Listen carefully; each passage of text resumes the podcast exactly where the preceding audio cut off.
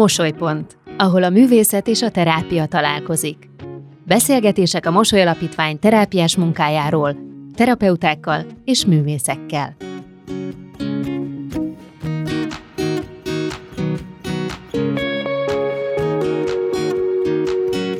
Idén 25 éves a Mosoly Alapítvány. Amikor indult, még gyerekcipőben járt Magyarországon a mese- és művészetterápia alkalmazása, a súlyos betegséggel küzdő vagy traumát átélt gyerekek gyógyításában. A Mosoly Alapítvány az első fecskék között volt, akik elkezdték ezt a munkát, és ma túl több ezer terápiás foglalkozáson és sok sikertörténeten biztosan állítható, hogy a mosoly terapeutái a legtapasztaltabb szakemberek közé sorolhatók a lelki gyógyítás területén. A 25. születésnap alkalmából egy podcast sorozatban szeretnénk bemutatni azokat a módszereket, amelyekkel a mosolyterapeuták dolgoznak. Mivel ezek művészetterápiás módszerek, a sorozatban a szakemberek mellé művészeket is hívtunk, hogy az alkotás folyamatát két szempontból is megvizsgálhassuk. Hogyan dolgozik vele a terapeuta, és hogyan dolgozik vele a művész.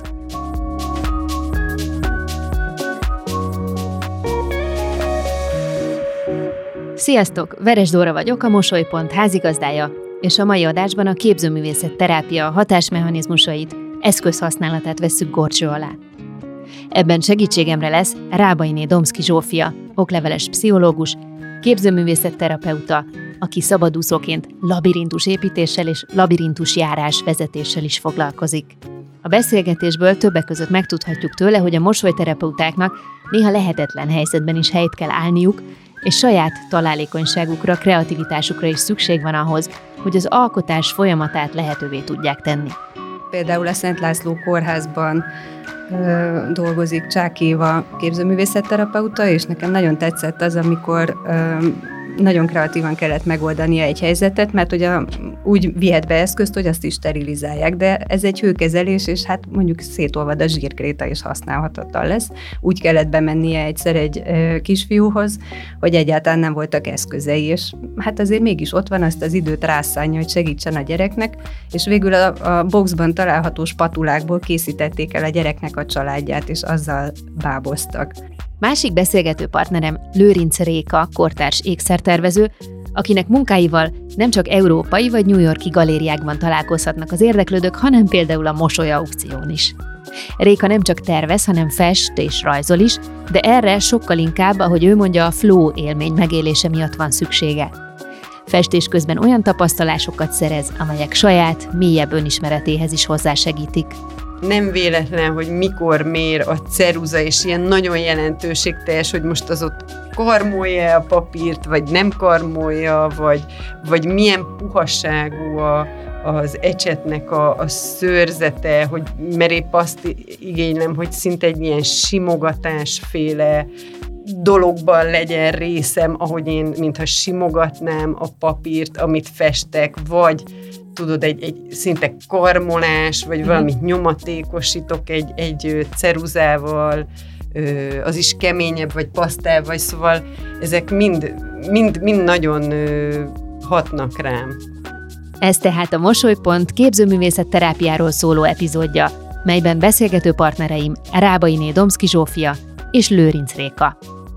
Hoztam egy csokoládét, teljesen lényegtelen egyébként, hogy milyen csokoládé, majd meg is ehetjük utána, de mint tárgy próbáltam uh, arra gondolni, hogy elétek tenném, és, uh, és az a kérdésem, hogy hogy csomagolnátok be, hogy öltöztetnétek fel, hogy személyes ajándékká váljon.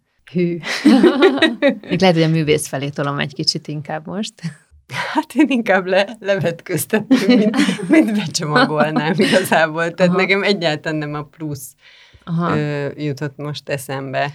Mert hát hogy te egyébként úgy használsz egy csomószor tárgyat, hogy annak már van egy, egy jelentése, van egy, Igen. van egy sorsa, egy története, tehát hogy már valami, és aztán abból lesz egy másik és akkor valami. Azt folytatom, aha. aha. Igen, igen, igen. Igen, ez, ez változó, hogy mikor, hogy megy gördül tovább. Most erről nekem az jutott eszembe, hogy ez a műanyag van rajta, ezen a csokin, és sokkal ilyen ö, kívánatosabb, vagy hogy mondjam, hogyha ki van bontva, mert így túl ö, mű. Aha. És hogy inkább, hogy ne olyan rétegek ne úgy következzenek, hogy én erre még ráteszek valamit, és akkor kibontja, akkor egy műanyag, és utána a, a táplálék, uh-huh. hanem akkor inkább ö, kibontom, és vagy újat csinálok hozzá, vagy pedig, hát most attól is függ persze, hogy, hogy kinek adom. Most nekem nagyon közeli hozzátartozó ugrott be, hogy én inkább úgy, tehát tudom, hogy ez ilyen, ez olyan, ez olyan szépen folyó töltelékes. Igen, ez és, és ilyen... szerintem én ezt roppantanám meg, hogy úgy, úgy, úgy kedvet csináljak ahhoz, hogy belekóstoljon mondjuk ő is. Uh-huh. Zsófi? Nekem, nem tudom, most ez ilyen valahonnan a tudatom legvégére jött, de hogy ö, én a nagyfiamnak adnám, és ő nagyon szereti a, a nagyon puha ö, tapintású dolgokat, és ezért, ö, és a lila a kedvenc színe, úgyhogy én egy ilyen ö, halvány levendula lila puha szörmébe tenném, ami egy egészen vad ötlet egy ilyen folyós csokoládénál, de most ez így beugrott. Oké, okay, ezt igazából csak egy ilyen kis asszociációs játéknak szántuk. De az is nagyon izgalmas lenne így kezdésnek, hogy ti emlékeztek-e vajon az első művészeti alkotásotokra bármi is volt az, és bármikor is volt az. Gondolom gyerekkorban ez, ez azért egy erős sejtésem. Nekem, nekem megvan. Három éves voltam, amikor nagyon rosszat álmodtam egyszer, és anyukám hihetetlen jó érzékel fölismerte, hogy ezzel valamit kezdeni kéne, mert hogy, hogy így a hétköznapok szintjén is borzasztóan frusztráltát tett, és azt mondta, hogy rajzoljam le. És akkor én lerajzoltam a kék és a sárga szörnyet, ami igazából két ilyen gombóc volt, és nagyon furcsa érzés volt, egy ilyen kettős tudatállapotban voltam, hogy így láttam, hogy ez csak egy kék meg egy sárga kör a papíron, de mégis borzalmasan félek tőle. Uh-huh. És akkor anyukám azt mondta, hogy tudod, mit tépsz szét? És az annyira felszabadító volt. Szerintem ez, ez valószínűleg nem is csak az első képzőművészeti alkotás volt, hanem az első képzőművészet terápiás élményem is. És létezik, vagy innen datálhatjuk, hogy tulajdonképpen ezt a szakmát választottad? Biztos, hogy ez egy meghatározó élmény volt. Aha. Egyébként van egy ilyen Lázár Ervin mese, akik meg a sárga, nem tudom, ismeritek-e, veszekszenek, hogy ki a szebb, meg hogy legyen ez Igen. az egész, és aztán összefolynak, és Igen. sajnos egyik, egyik sem marad a saját identitásánál, ugye. Mert hogy lesz belőle egy zöld, ugye? Most jól mondom, zöld. Igen, igen. Réka, neked? Mi volt hát, az első ilyen élmény? Cseles kérdés volt végül is, mert pont ezen gondolkoztam, hogy így kapásból egy olyan rajz ugrott be, amikor anyukámat rajzoltam le, viszont úgy kérdezted, hogy melyik volt az első művészeti alkotás. Hát és igen, direkt így kérdeztem, mint mert... művész, uh-huh. viszont egyből beugrott az is, hogy vajon mikortól datálom én magam művésznek, tehát az megint egy másik kérdés, okay. hogy akkor hogy akkor olyan szempontból Pont erre gondoltam, hogy majd erre talán reagálunk, hogy igazából minden művészeti alkotás, hogyha nagyon szabadon ért- értelmezzük, pláne a gyerekek időszakában, mert hogy attól függ persze ki, hogy definiálja a, a művészetet, de hogy, hogy valószínűleg minden, amit valami abstrakciós készséget igényel, és hát a rajz az igen, meg kreativitást, azt, azt tulajdonképpen, ha bátrak vagyunk, hívhatunk művészetnek. Tehát én igen, úgy gondoltam, hogy az első olyan alkotás, amire emlékszel. Igen. Akkor így, így teszem így, fel. Igen, így anyukámról egy rajz, igen. Igen. És jól sikerült, vagy emlékszel? Szerintem elég jó. Most így visszaemlékezve számomra nagyon tetsző, hogy akkor nekem azt tetszett, de sajnos azt nem tudom. Tehát neked érzelmek nem kötődnek ilyen erősen, mint a kék meg a sárga gombochoz. A Ahhoz a rajzhoz, mikor sokkal később mutatta anyukám, csak onnan van emlékem. Úgy általában van olyan emlékem, hogy nagyon sokat rajzoltam, és akkor azt magát a rajzolást, azt ő, szerettem. Uh-huh. Na mert azért kérdezem, mert szerintem azért ez egy alapvetés tud lenni, Igen. hogy az alkotás folyamata is, és a művészet befogadása is tud lenni erős hatással a lelki folyamatainkra, a mentális jólétünkre. Igen, ez abszolút így van. A képzőművészet terápián belül is megkülönböztetünk a aktív és passzív vonalat, és ez pontosan erről szól, hogy egy műnek a befogadása, mondjuk egy kiállítás látogatása is lehet terápiás hatású. Mi inkább a mosolyalapítványnál az aktív képzőművészetterápiával dolgozunk, tehát ahol a gyerekek maguk is alkothatnak, és, és ez az alkotó folyamat az, ami gyógyítja őket. De azért ez érdekes, hogy akár receptre is fel lehetne írni múzeumlátogatást olyanoknak, akiknek ez segíthetne mondjuk egy ilyen szorongó állapotot feloldani? Én olyat hallottam, de ez is elsősorban külföldi példa, hogy például idősek otthonából a, a, az ott lakókat elviszik egy-egy tárlatra, és akkor utána arról beszélgetnek. Ezt nehéz elmagyarázni szerinted olyan nyelven, hogy mi is értsük, hogy mi ez a folyamat, ez a belső folyamat, hogy egész egyszerűen csak valami gyönyörködtetés a szemnek, és akkor onnan valahogy egy megnyugvás jön, vagy ez bonyolultabb? Ott kezdődik, igen, az esztétikai élménynél, de a, nyilván minden műalkotás kifejez valamit a, az alkotónak az aktuális lelki állapotáról, amire abszolút rá tudunk mi is hangolódni, és akár ez is az, ami felszabadíthat gátakat, például egy régen megélt élményt vagy érzést előhívhat. Réka, rólad tudom már, hogy több helyen is nyilatkoztál arról, hogy nagyon erősen befolyásol az alkotásban a, az, hogy éppen milyen állapotban vagy, sőt, gerjeszted is néha az ilyen-olyan állapotokat, hogy alkotó helyzetbe kerülj. Így az érzelmek átalakításával ö, elég sokat foglalkoztam, tehát így az érzelmek energetikai átalakításával. Nagyon erősen törekszem arra, hogy a művészetem az emeljen. Tehát nem szeretek belevinni negatív energetikákat a, a művészetembe, amit meg is mutatok. Hát ez nagyon érdekes, hogy mondjuk mit tudom én, most a sikol jutott eszembe, ugye mindenkinek nyilván ez jutna egyből eszébe, hogy az ember összedermett tőle, de hát, hogy végül is az a hatás is hatás. Hatás, igen. Csak ne, ezt nem ez szeretnéd. nekem küldetésem, hogyha bennem van mondjuk egy olyan érzet, tehát mondjuk egy dű energia, ami nagyon magas frekvenciájú energetika. Tehát azt lehet használni, tehát ez egy nagyon aktív energia, és azt ö, át lehet alakítani, hogy én azzal tudjak előre menni, de amikor már átalakul, akkor ugye engem az abszolút egy flowba át tud vinni. Hát úgy mondom neked, hogy mondjuk egy teljesen higgadt, nyugodt állapotban, mondjuk egy ilyen joga utáni, vagy, vagy egy, egy erdőben való séta utáni állapot, tot, mondjuk én inkább az e-mailekre való válaszolásra használok. Most így viccen kívül, tehát én, én így szeretek odafigyelni erre, hogy mikor melyik állapotomat mire használom. Tök jó, és amikor pedig valamilyen pozitív vagy negatív irányba elmozdult lelki van éppen, akkor ülsz neki dolgozni? Már úgy értem alkotni.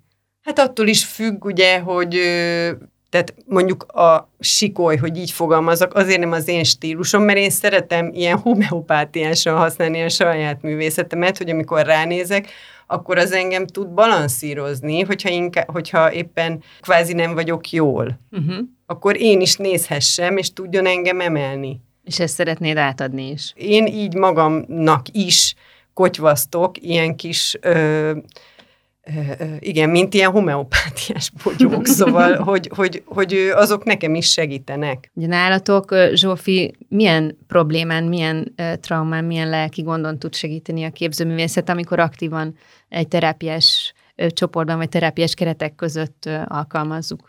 Nyilván megvan a, a, a maga eredményessége különböző problémák esetén. Én annak idején azt tanultam, hogy például egy szerhasználó addiktív személynél a művészetterápiával, képzőművészetterápiával nagyon minimális javulást lehet elérni, és egyébként is azt szoktuk mondani, hogy a képzőművészetterápia az egy kiegészítő terápiás lehetőség. Aha. Tehát akinek például súlyos pszichózisa van, vagy erősen neurotikus pszichiátrián kezelik, neki ez egy kiegészítő terápiás lehetőség. Ami tulajdonképpen a nyuga, lenyugtatást, a pillanatnyi, vagy a rövid időre mm, ne, szóló megnyugvást Nem csak jelzi? az, tehát az is lehet, de ö, nagyon sokat tud segíteni abban, hogy ami verbálisan nem kifejezhető, vagy nem szeretné elmondani, ahelyett kínálunk egy másik nyelvet, egy, egy olyan önkifejezési formát, ami nagyon őszinte, nem tanultuk meg, hogy hogyan fedjük el, amit mondani akarunk, tehát tényleg a, a legintimebb vágyakat, félelmeket, akár a dühöt is meg tudja mutatni, és nyilván a terapeuta ezt a nyelvet szintén beszéli és érti. Segíthet ugyanúgy, ahogy mondta a Réka is, egy, egy kicsit áthangolni ezeket az állapotokat, kifejezni, ami benne van. Mi nyilván a Mosoly Alapítványnál gyerekekkel foglalkozunk, és igazából ott is egy elég széles spektrumot látunk el. Ugye vannak az onkológiai beteg gyerekek, akik kórházban vannak, azon belül is vannak olyanok, akik egy, egy steril boxban vannak, mert hogy csontelő transplantáción estek át, és akár heteket töltenek el úgy, hogy egyszer jön be egy tíz percre egy nővér, és ennyi volt a kontaktusuk a, a világgal, és, uh-huh. és oda bemenni képzőművészet terapeutaként egészen más, mint mondjuk ha egy hosszú távú csoportunkba eljön valaki, akinek például valamilyen pszichoszomatikus problémája van, mondjuk rendszeresen fáj a feje, és nem lehet tudni, hogy miért, és akkor vele egészen máshogyan foglalkozunk. Mind a két példára olyan jó lenne, ha, ha mondanál valamit, hogy, uh-huh. hogy mi a folyamat, vagy hogyan tudod szépen alakítani, jobbá tenni az ő igen, a, a kórházban fekvő gyerekeknél általában jellemző, hogy kevesebbet tudunk velük találkozni, mert hogy vagy a kezelés nem teszi lehetővé, hogy bemenjenek hozzá a, a terapeuták, vagy csak egy-két alkalommal van éppen a kórházban, és akkor tudunk vele valamit kezdeni, úgyhogy velük mindig az aktuális állapot az, amit próbálunk megérteni, arra ráhangolódni, és ahhoz valamilyen eszközt felkínálni. Például a Szent László kórházban dolgozik Csák Éva képzőművészetterapeuta, és nekem nagyon tetszett az, amikor nagyon kreatívan kellett megoldania egy helyzetet, mert ugye úgy vihet be eszközt, hogy azt is sterilizálják, de ez egy hőkezelés, és hát mondjuk szétolvad a zsírkréta, és használhatatlan lesz. Úgy kellett bemennie egyszer egy kisfiúhoz, hogy egyáltalán nem voltak eszközei, és hát azért mégis ott van, azt az időt rászánja, hogy segítsen a gyereknek, és végül a, a boxban található spatulákból készítették el a gyereknek a családját, és azzal báboztak és hihetetlen jól működött, ugyanis ezzel felkínálta neki azt a lehetőséget, hogy elképzelje, hogy milyen lesz, hogyha hazamegy, hogyha egészséges lesz, kapcsolatot teremtett a jövőbeli mhm. önmagával, az egészséges ényével, és ez, ez nagyon nagy erőt tud adni a gyógyuláshoz. Mhm. Mondjuk egy fejfájás, tehát ez, hú, de nehéz ez, hogy egy fejfájós gyerek, nyilván tudjuk, hogy annak is valamilyen ha, ha kizárható a testi jog, akkor feltétlenül Igen. valami lelki szorongás áll a hátterében, hogy ezzel mit tud kezdeni egy zsírkréta, vagy egy, most bocs, hogy így kérdezem, de hogy tényleg igen, hát az ilyen hosszú távú csoportokban az a jó, hogy hétről hétre rendszeresen találkoznak a, a terapeuták a gyerekkel, és ezért végig lehet követni, mint akár egy, egy filmnek a különböző kockáit, úgy készülhetnek ezek a rajzok, az egész történetét. Akár a, a, a színhasználatát, ha nézik, hogy mondjuk egyre sötétebb lesz, akkor lehet tudni, hogy valami probléma van ez ilyen egyszerűen dekodolható? Maga a rajzdiagnosztika, erre tettek már kísérleteket, például a Vajz Zoltán egy számítógépes programot is írt rajzelemzésre, amiben egyszerűen csak kérdésekre válaszolsz az alapján, hogy milyen a rajz, és akkor kiköpi az eredményt a, a számítógép, de azt gondolom, hogy egy terápiás folyamat azért nem csak ennyiből áll hanem ott, ott van egy személyes kapcsolat a gyerekkel, ott, ott azt is nézzük, hogy miközben készül a rajz, ő, ő milyen állapotban van, milyen a, a testtartása, az arc kifejezése. A terapeuta megpróbál maga is ráhangolódni erre, és akkor úgy sokkal többet megért abból, hogy éppen most mi zajlik le a gyerekben, és arra tud reflektálni. Mi van akkor, ha valaki azt mondja, hogy ő neki semmi kedve ehhez az egészhez? Nem akar rajzolni, nem akar semmilyen módon megnyilvánulni, vagy nem Előfordul, és természetesen erre is van mód, ilyenkor egyszerűen csak hagyjuk, hogy, hogy a csoportban benne legyen, tehát tagja maradjon és figyelje, de igazából rengeteg eszköz van arra, hogy hogyan lehet a, a rajzolni nem szerető, szorongó gyerekeket mégiscsak bevonni. Tehát nem muszáj ábrázolni. Nagyon sok gyereknek van ilyen kényszere, hogy, hogy ő nem tud rajzolni, neki azt mondta az óvónéni, meg a tanítónéni, hogy, hogy, hogy kimegy nem. a vonalból, és nem elég precíz, és akkor jó, figyelj, itt egy nagy barna csomagolópapír, egy szivacs, itt vannak a festékek, és csak pamacsoljál és színezzél, és nézd meg, hogy hova vezet az egész, és imádnak. Tehát a játékosság részét kell előhozni. Nyilván, hogyha van egy olyan élménye az első néhány alkalommal, hogy itt nem kell megfelelni, és bármit, bármit csinálhat, és minden jó lesz, az a lényeg, hogy kifejezze magát, és játszon, akkor utána már könnyebben megy bele más technikák elsajátításába is. És akkor egyszer csak fülön csípsz egy ilyen katartikus pillanatot? Igen, az, az mindig látszik egy gyereken, hogyha, hogyha megélte a katarzist, meg hát a, a flow élményt, hogy így most ez így, így nagyon benne van, és jönnek belőle a tartalmak, és igazából az egésznek ez a lényege, hogy ő, ami ott belül van, és le van tapadva, el van folytva, azt kitehesse. Akár papírra, akár plastikába, az már mindegy, hogy hogyan, csak meg tudja jeleníteni. És tud ez nagyon szélsőségessé is válni? Tehát, hogy annyira kiszakad belőle valami, hogy... Persze, ilyen agyagdobálás, vagy az egész testünket befestjük feketére, és most akkor itt nagyon folyik minden, ez abszolút belefér. Belefér? Tehát Bele. nincs olyan, hogy le kell állítanod, nem szabad? Van egy határ, tehát nyilván nem sértheti testileg magát, a többieket, vagy, vagy nem kéne mondjuk anyagi kárt okozni, de, de körülbelül ez. Tehát, hogy a rombolást ezt leállítjuk, de az önkifejezés az egy elég széles tere van annak.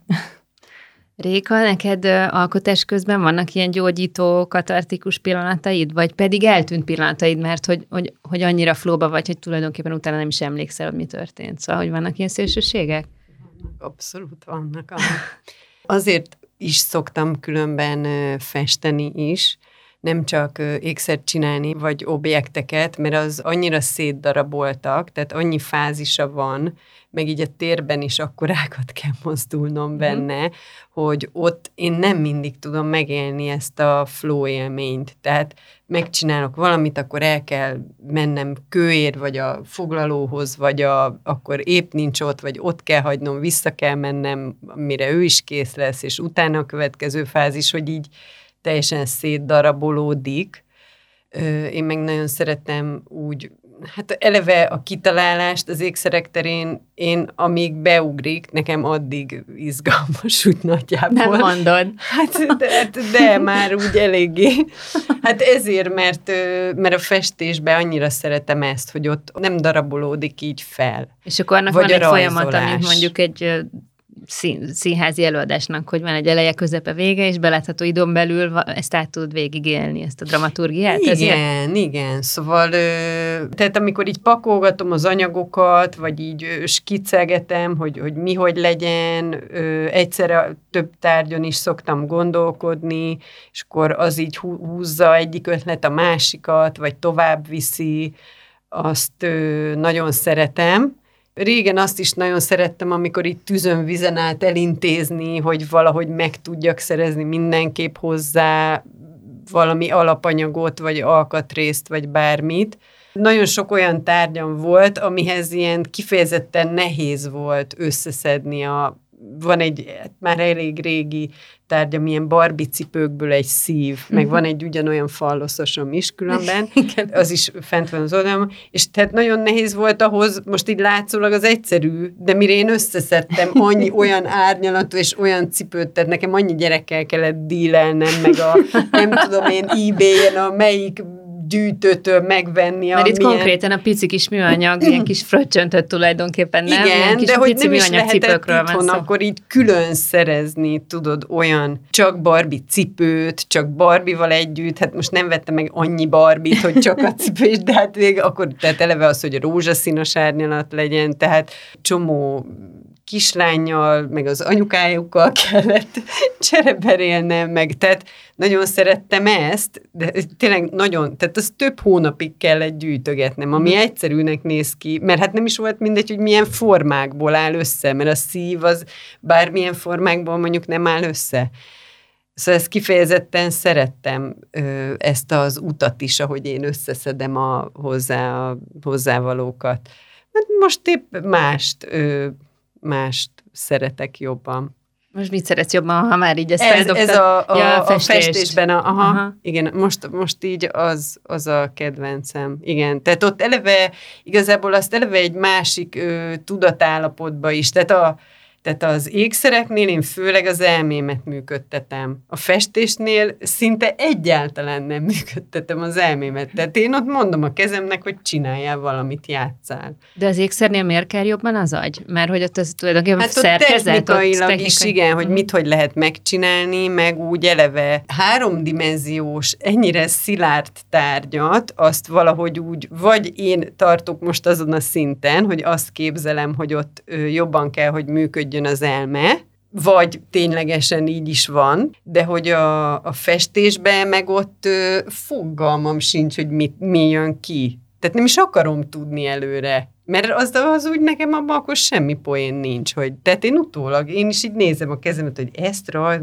azt és azt, és akkor közben jön egy megértés, hogy miért, és így esnek le így a, a megértések, hogy ezért, és azért olyan színű, és ezért ilyen forma, és akármicsoda. Akkor mégiscsak bekapcsolod az agyad, igen. Igen, de ez egyféle ilyen, valamikor így a mozgás is benne van, tehát az, ahogy a, nem tudom, nem véletlen, hogy mikor mér a ceruza, és ilyen nagyon jelentőségteljes, hogy most az ott karmolja a papírt, vagy nem karmolja, vagy, vagy milyen puhasságú a, az ecsetnek a, a szőrzete, hogy mert épp azt igénylem, hogy szinte egy ilyen simogatásféle dologban legyen részem, ahogy én, mintha simogatnám a papírt, amit festek, vagy tudod, egy, egy szinte karmolás, vagy mm. valamit nyomatékosítok egy, egy ceruzával, az is keményebb, vagy pasztel, vagy szóval ezek mind, mind, mind nagyon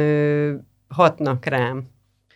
Ez azért érdekes, mert hogy visszafordulok hozzá, Zsófi, hogy, hogy akkor ezek szerint nálatok se lehet mindegy, hogy mi az az eszköz, amit, amihez a gyerek nyúl, mert hogy ahogy, ahogy most mesélte Réka, eszembe jut, hogy tényleg teljesen más egy, egy pasztel, teljesen más egy, egy zsírkréta, egy ceruza, a keménysége, a puhasága, a felület nagysága, amit azzal be tud a gyerek tölteni. Van ilyen irányzata a képzőművészetterápián belül a, a Rudolf Steineri vonal, ahol abszolút megvan, hogy, hogy um, például akinek az érzelmei elfolytottak és szeretnénk felszírehozni, akkor azoknak inkább akvarelfestést javaslunk, akinek meg a gondolkodási... Mindig tett hozzá, hogy ez mi, mert nem biztos, hogy mindenki tudja, hogy az akvarel akvarell az micsoda? Ö, hát ez gyakorlatilag egy ilyen vízfestés Aha. jellegű dolog, ahol sokkal érzelmesebben lehet kifejezni magadat, míg ha mondjuk a gondolkodást kell erősíteni, akkor inkább a ceruzarajzot ajánlják. Igazából én inkább azt szeretem, hogyha a gyerek maga választja ki az eszközöket, mert ez is olyasmi, mint hogyha egy, egy, egy nyelvet választanál, amin meg tudsz természetesebben szólalni.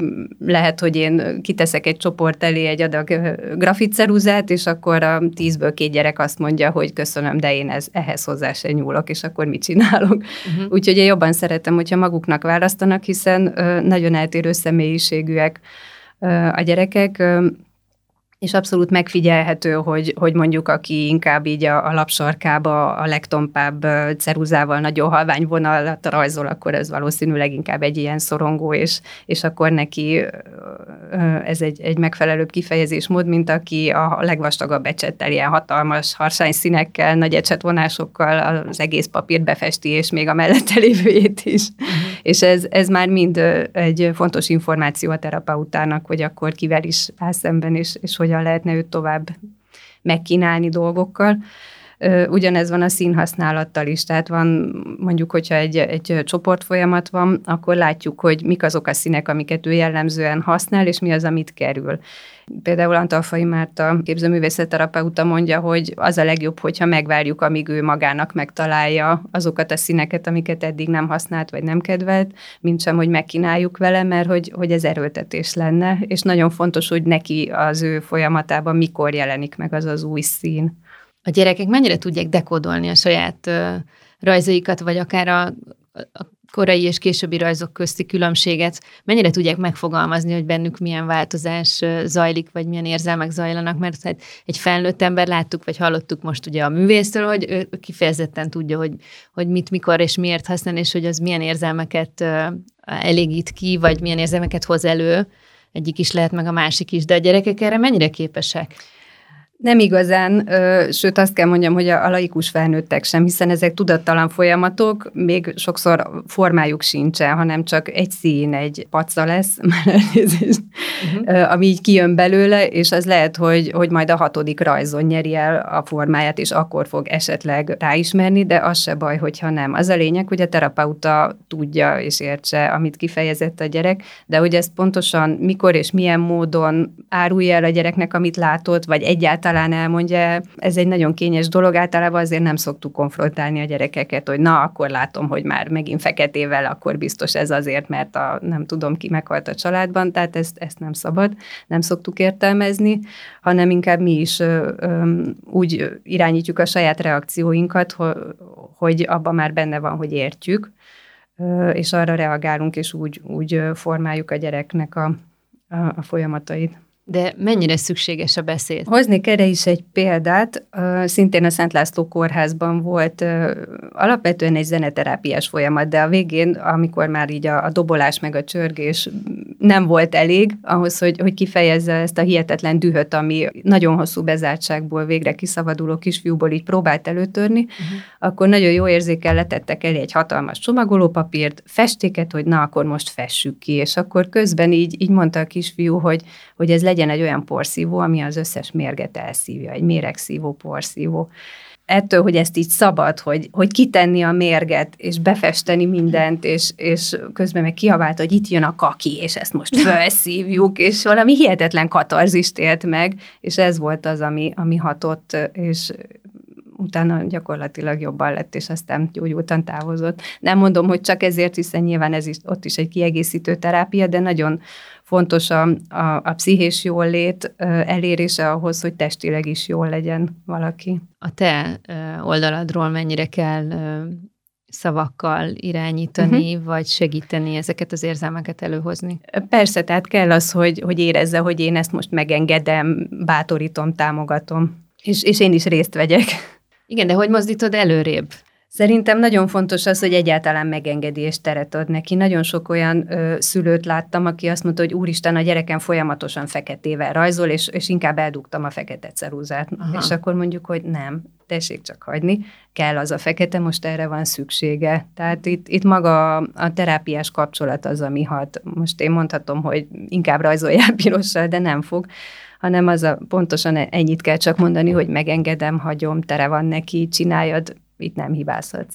Réka, neked ez, hogy különböző szokatlan, vagy hát elsőre szokatlan tárgyakat, anyagokat vegyítesz, matchboxok, tengeri csillagok, műköröm, gyöngyök, szóval, hogy az valami hasonló dolog lehet, hogy te megengeded magadnak ezeket a dolgokat, szóval, hogy ez egy ilyen provokáció egy kicsit, vagy inkább egy ilyen megélése annak, amit egyébként nem szoktak, vagy nem lehet, vagy nem illik, vagy nem szokás. Az egyetemen is úgy hagytak nekünk szabad teret, kísérletezzünk, tehát az nagy értéket képviselt a kísérletezés, és akkor, hát hogyha megengedték, akkor én nem átalkottam hozzá belemenni ebbe teljes mértékben. Tehát alapvetően nekem nagyon nagy igényem a szabadság. Sokszor hallottam olyat, hogy azt gondolták a tárgyaimról mondjuk, hogy ez egy ilyen fricska. Igen, Ö, a meghökkentés a célja, vagy igen, igen vagy valaminek... igazából a, a kortárs ékszer területén nem feltétlenül meghökkentő ez. Nem, szóval nekem a, a legbelső szándékom az nem a meghökkentés tulajdonképpen, hanem egyféle ilyen ö, tükörmutatás, amiben én is beletartozok, hogy sokszor mennyire viccesek tudunk lenni, vagy hát valamikor mondjuk szánalmasak, vagy ilyenek, vagy olyanok. Tehát nem szeretném minősíteni, csak egy ilyen tükörtartás, hogy, hogy ilyenek vagyunk, kész, hogy így észrevehessük végül is. Mondj egy példát. Van több olyan tárgyam, ami így a túlzásról szól. Ezek, a, amit említettél, ezek a kamionok, igen, ilyen kamionok, amik így tele vannak tömve, gyöngyökkel, ékszerekkel. És akkor abból viszont az tulajdonképpen egy, egy nyaklánc medál igen, válik. Igen, van a bevásárló kocsis is, ami szintén teli van tömve. Tehát ez, hogy így ö, mértéktelenség, amit, ö, tehát hogy egy nőnek szinte soha nem elég, mindig örül valami újnak. De akkor ez végül is mégiscsak fricska. Minősíteni nem szeretném, csak ennyi tényként megállapítani, hogy örülünk, tehát hogy a nőkben megvan. Ez szerintem bájos is. Hát uh-huh. örülnek ö, az így új ékszernek, vagy bármi új csillogó dolognak. Hát, ez van.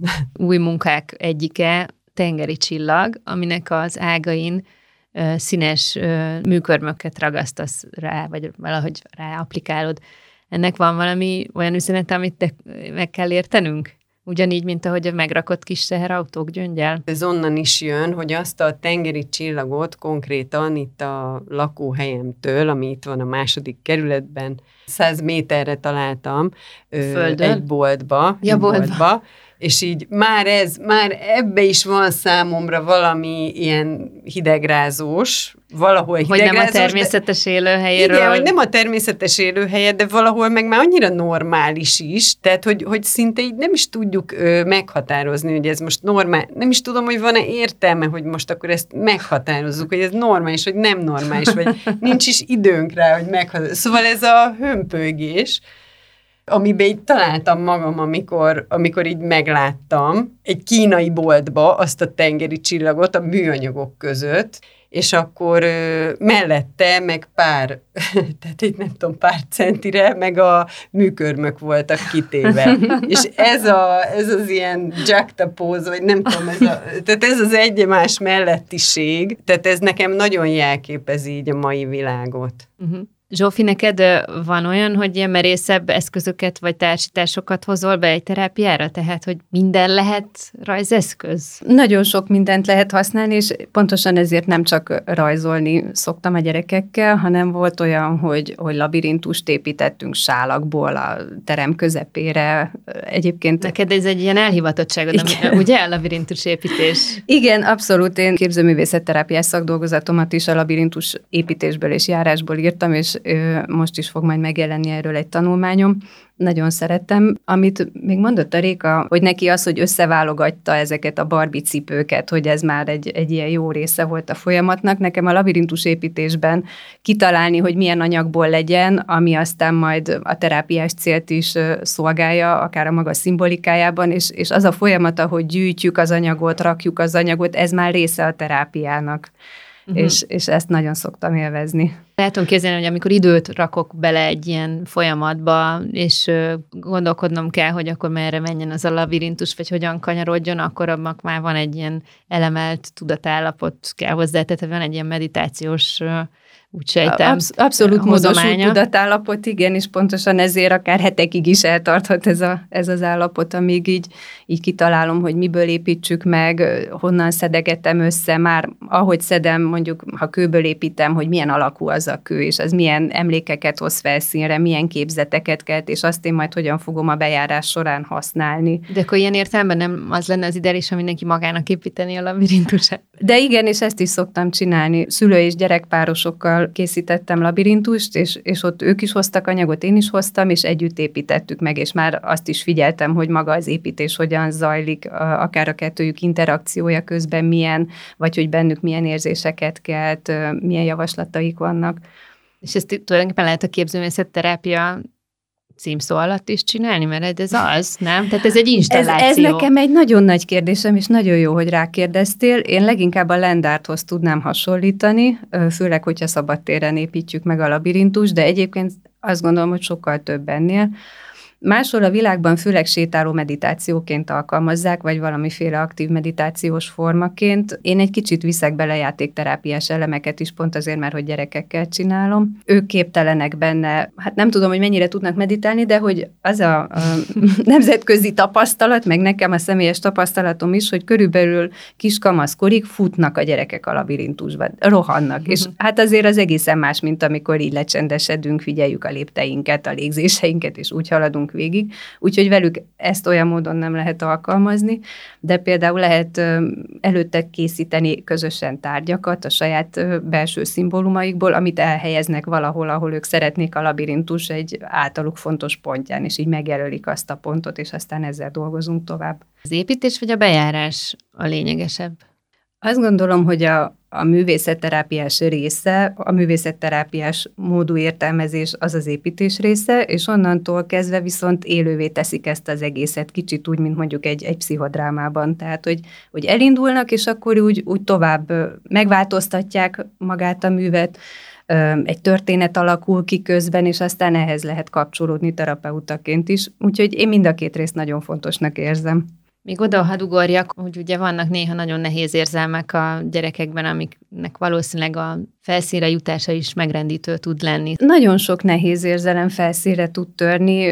Azt gondolom, hogy például amikor a szorongás tárgyasul, akár egy képben vagy egy alkotásban, az is, az is rémisztő lehet, vagy a halálfélelem is rémisztő lehet, de hogy ezekre egy terapeutának föl kell készülnie és igazából annak szoktunk körülni terapeutaként, ha megjelenik. Tehát ez nem olyan, hogy félünk, hogy úristen, nehogy előjöjjön, és azzal majd valamit kezdeni kell, hanem pontosan ebbe az irányba hat az egész folyamat, hogy kijöjjön, nem baj, ha sír, nem baj, ha ordít, nem baj, ha dobál, vagy mondjuk üti az agyagot egy órán keresztül tiszta erőből, mert hogy pont ez az, ami majd az ő belső feszültségét csökkenteni fogja, és és akkor ott vagyok, és megtartom. Ezekkel az érzelmekkel, amikről most azért te is beszéltél, amik előtörnek alkotás előtt, közben, után, hogy azokkal uh, mit, mit, mit lehet kezdeni, kell ehhez irányítás? Szerintem ez attól is függ, hogy valakinek miről szól a művészete, tehát hogy így erről szól-e, hogy mennyire hozza fel uh-huh. a felszínre. Mivel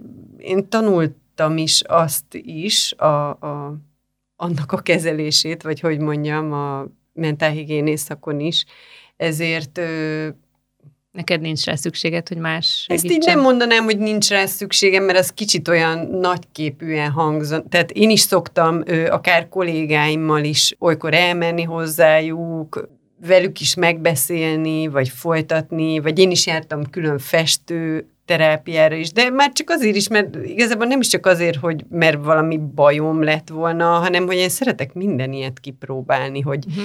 ki, lehet, hogy kiderül, hogy van valami félelmem, amire én rá se láttam, mert akkor toljam a képembe. Vagy én szeretek ezekkel is szembenézni, mert tudom, hogy mennyire oldott lesz utána az ember. Meg hát az ember, amikor így szembe mer nézni a félelmeimvel, az nagyon megerősíti őt azért, szóval nekem, nekem ez tetszik ez az út. Mivel nagyon-nagyon érdekel a fejlődés, ezért én szeretem megtalálni ezeket a piros gombjaimat, mert hogy az vezet a szabadsághoz.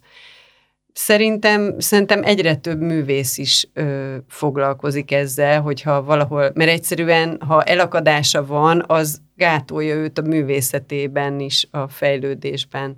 Én azt veszem észre, hogy egyre több művész fordul így ö, hát segítség, hát most nem is tudom, minek nevezem uh-huh. most, ez segítség, hát vagy support. együttműködő, igen. igen. Igen, igen. Köszönöm szépen, hogy itt voltatok. Tök sok izgalmasat hallottunk, úgyhogy nagyon-nagyon örülök, hogy találkoztunk. Köszi szépen még egyszer. Mi köszönjük, köszönjük szépen. szépen. Köszönöm, hogy velem és vendégeimmel tartottatok. A Mosoly Alapítvány ünnepi podcast sorozatának, a Mosolypontnak minden adását megtaláljátok a www.mosolyalapítvány.hu weboldalon, valamint az ismert podcast felületeken. Amennyiben szeretnétek többet megtudni az alapítvány terápiás munkájáról, vagy érdeklődnétek a támogatás lehetőségeiről, akkor a honlapjuk mellett Facebook és Instagram oldalukat is érdemes felkeresnetek. Ne felejtsétek el műsorlistátokra tenni a mosolypontot, hogy bármikor meghallgathassátok. Mosolypont, ahol a művészet és a terápia találkozik. Beszélgetések a Mosoly Alapítvány terápiás munkájáról, terapeutákkal és művészekkel.